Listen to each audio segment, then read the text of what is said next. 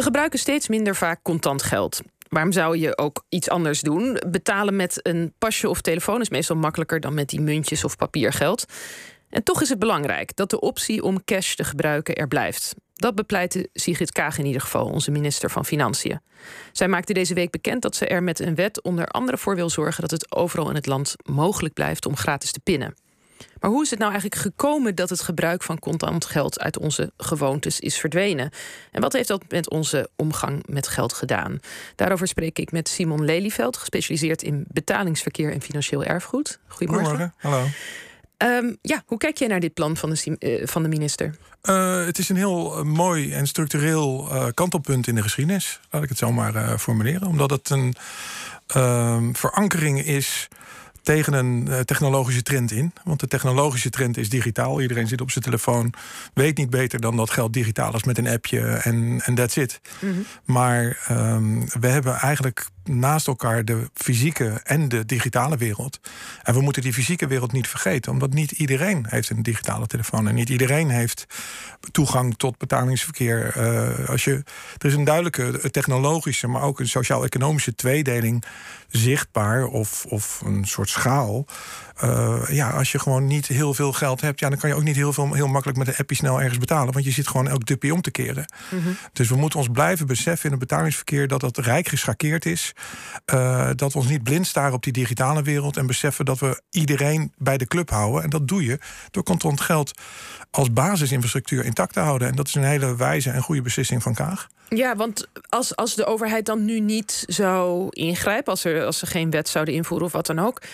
Wat zou er, denk je dan dat bijvoorbeeld pinnenautomaten zouden verdwijnen? Uh, ja, dat is in feite de trend die je uh, in, uh, in de sfeer van efficiency altijd ziet gebeuren.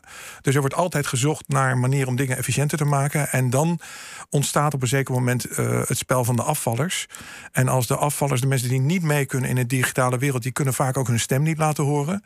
Dus als je de markt zijn werk zou laten doen, dan zou je, en dat is eigenlijk nu al gaande, er zijn echt restgroepen die pijn hebben, die ook straks best pijn zullen hebben bij het verdwijnen van de acceptgiro.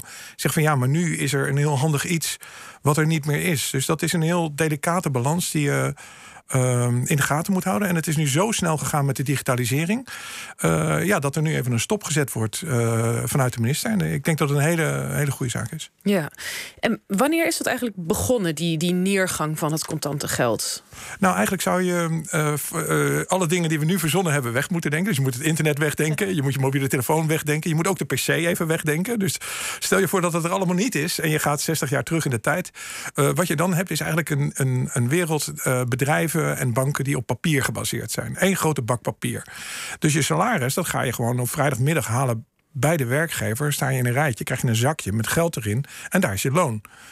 Uh, en nou, dat neem je dan mee en dat geef je dan contant in de winkel uit hoera, dan ontstaat er, dan komt er een computer. Hoera, fantastisch. En, en, dan, en dan wat wij nu een mobiele telefoon hebben, dat is dan gewoon echt gewoon zo'n zo halve sporthal met computers. Maar die wordt het eerst neergezet bij bedrijven en banken. En die gaan dan het eerste aanpakken waar ze het meest aan kunnen verdienen, is namelijk de salarisbetaling. Als je dat contante uitbetalen op vrijdagmiddag kan vervangen door overboeken naar een rekening, Perfect. Dus daar begin je mee. En vervolgens krijg je vanaf ongeveer jaren 60, 70 de introductie van betaalrekeningen. Ze bestonden al, maar dat was papierwerk.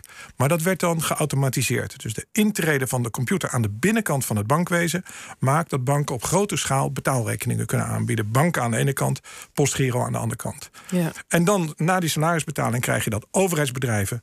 Uh, dus de acceptgiro werd gebruikt voor de motorrijtuigenbelasting. Dus vanaf 1960 is de acceptgiro er. Dan de motorrijtuigenbelasting rijtuigenbelasting is een grote klant van de Postcheck en Girodienst. Dat is een overheidsinstantie die betalingsverkeer verzorgt. En daar krijg je dan een hele mooie, soepele manier van betalen. Dan krijg je de betaalcheck en de Giro-betaalkaart. Die kun je in de winkel gebruiken om te betalen. En zo zie je langzamerhand allerlei technieken ontstaan. Dan wordt het, eerst werd namelijk salaris giraal uitbetaald. En iedereen sprintte naar de bank en het postkantoor om, om weer contant geld op te nemen. Ja, dus denk je van ja, dat is niet handig. handig. Nee, dus wat doen we dan? Nou, dan zorgen we dat we in de winkel kunnen betalen met een betaalcheck of Giro-betaalkaart. Dan blijft dat geld op die rekening staan. Nou, dat, dat is dan het trucje wat je dan uh, geleidelijk aan steeds verder ziet gebeuren. Ja, en je zegt het begint dus eigenlijk vanuit de werkgevers ja, um, ja. En, en, en van overheidsinstanties. Ja. Waren mensen zelf ook blij met die verandering? Of dus nou ja, als je zegt van ja, ze sprinten daarna meteen naar de bank, dan in eerste instantie hadden ze dan misschien helemaal niet zoveel aan? Of, of uh, kijk, nou, dat, het werkt als volgt. De mens is gewoon een gewoontedier. Dus je houdt vast aan je gewoonte. En die gewoonte kun je doorbreken met een, met een, een duwtje in de rug. Ja, als jouw werkgever dat zegt, en zeker in dat betalingsverkeer, is een, een zekere mate van geleide dwang. Ja, uh, dat brengt je ergens. Uh, een winkel kan ook zeggen: sorry, u kunt hier niet contant betalen. Althans, na dit wetsvoorstel wordt dat misschien iets anders. Maar een, een zekere dwang vanuit die werkgever uh, zit er dan in. En van betalingsverkeer in zichzelf word je nooit blij. Je wordt blij mm. van wat je ermee koopt. Maar niet van hoera, ik heb net uh, voor 2 euro een ijsje gekocht of zo. Ja, dat, die 2 euro word je niet blij van. Het ijsje word je blij van. Dus in die zin. Um, uh, Hadden we er niet zo heel veel. Blij worden is nooit nee. uh, het geval van betalingsverkeer. Althans, behalve nerds zoals ik, die dan zeggen: hé, hey, hoera, mooi, cool. Maar pijn hebben, dat is een ander verhaal. als het niet werkt, dan, ben je, dan, dan heb je de boot aan. Dan zeg je van: hé, hey, pot voor drie dubbeltjes.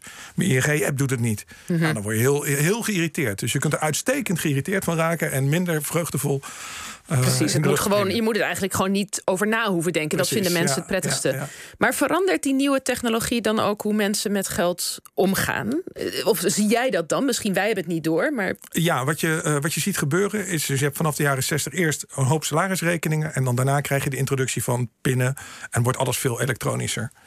En naarmate het contant geld uit het gangbare betalingsverkeer verdwijnt. Dus pak met 15 jaar geleden was toch nog 80% van de betalingen in de winkel in aantallen was contant geld.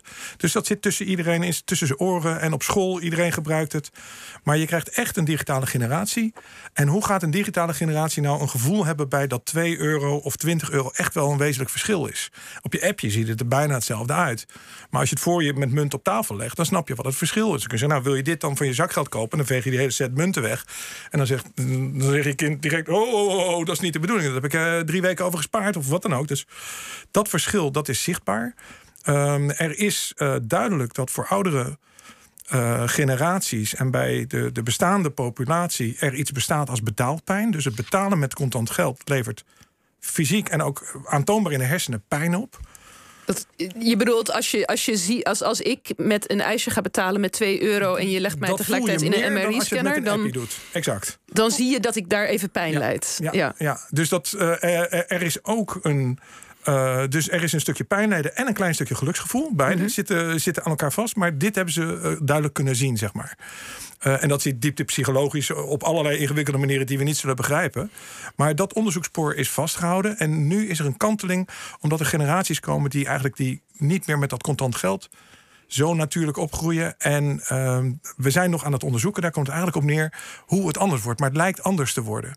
Dus het gevoel voor grootte en het wel of niet hebben van die betaalpijn.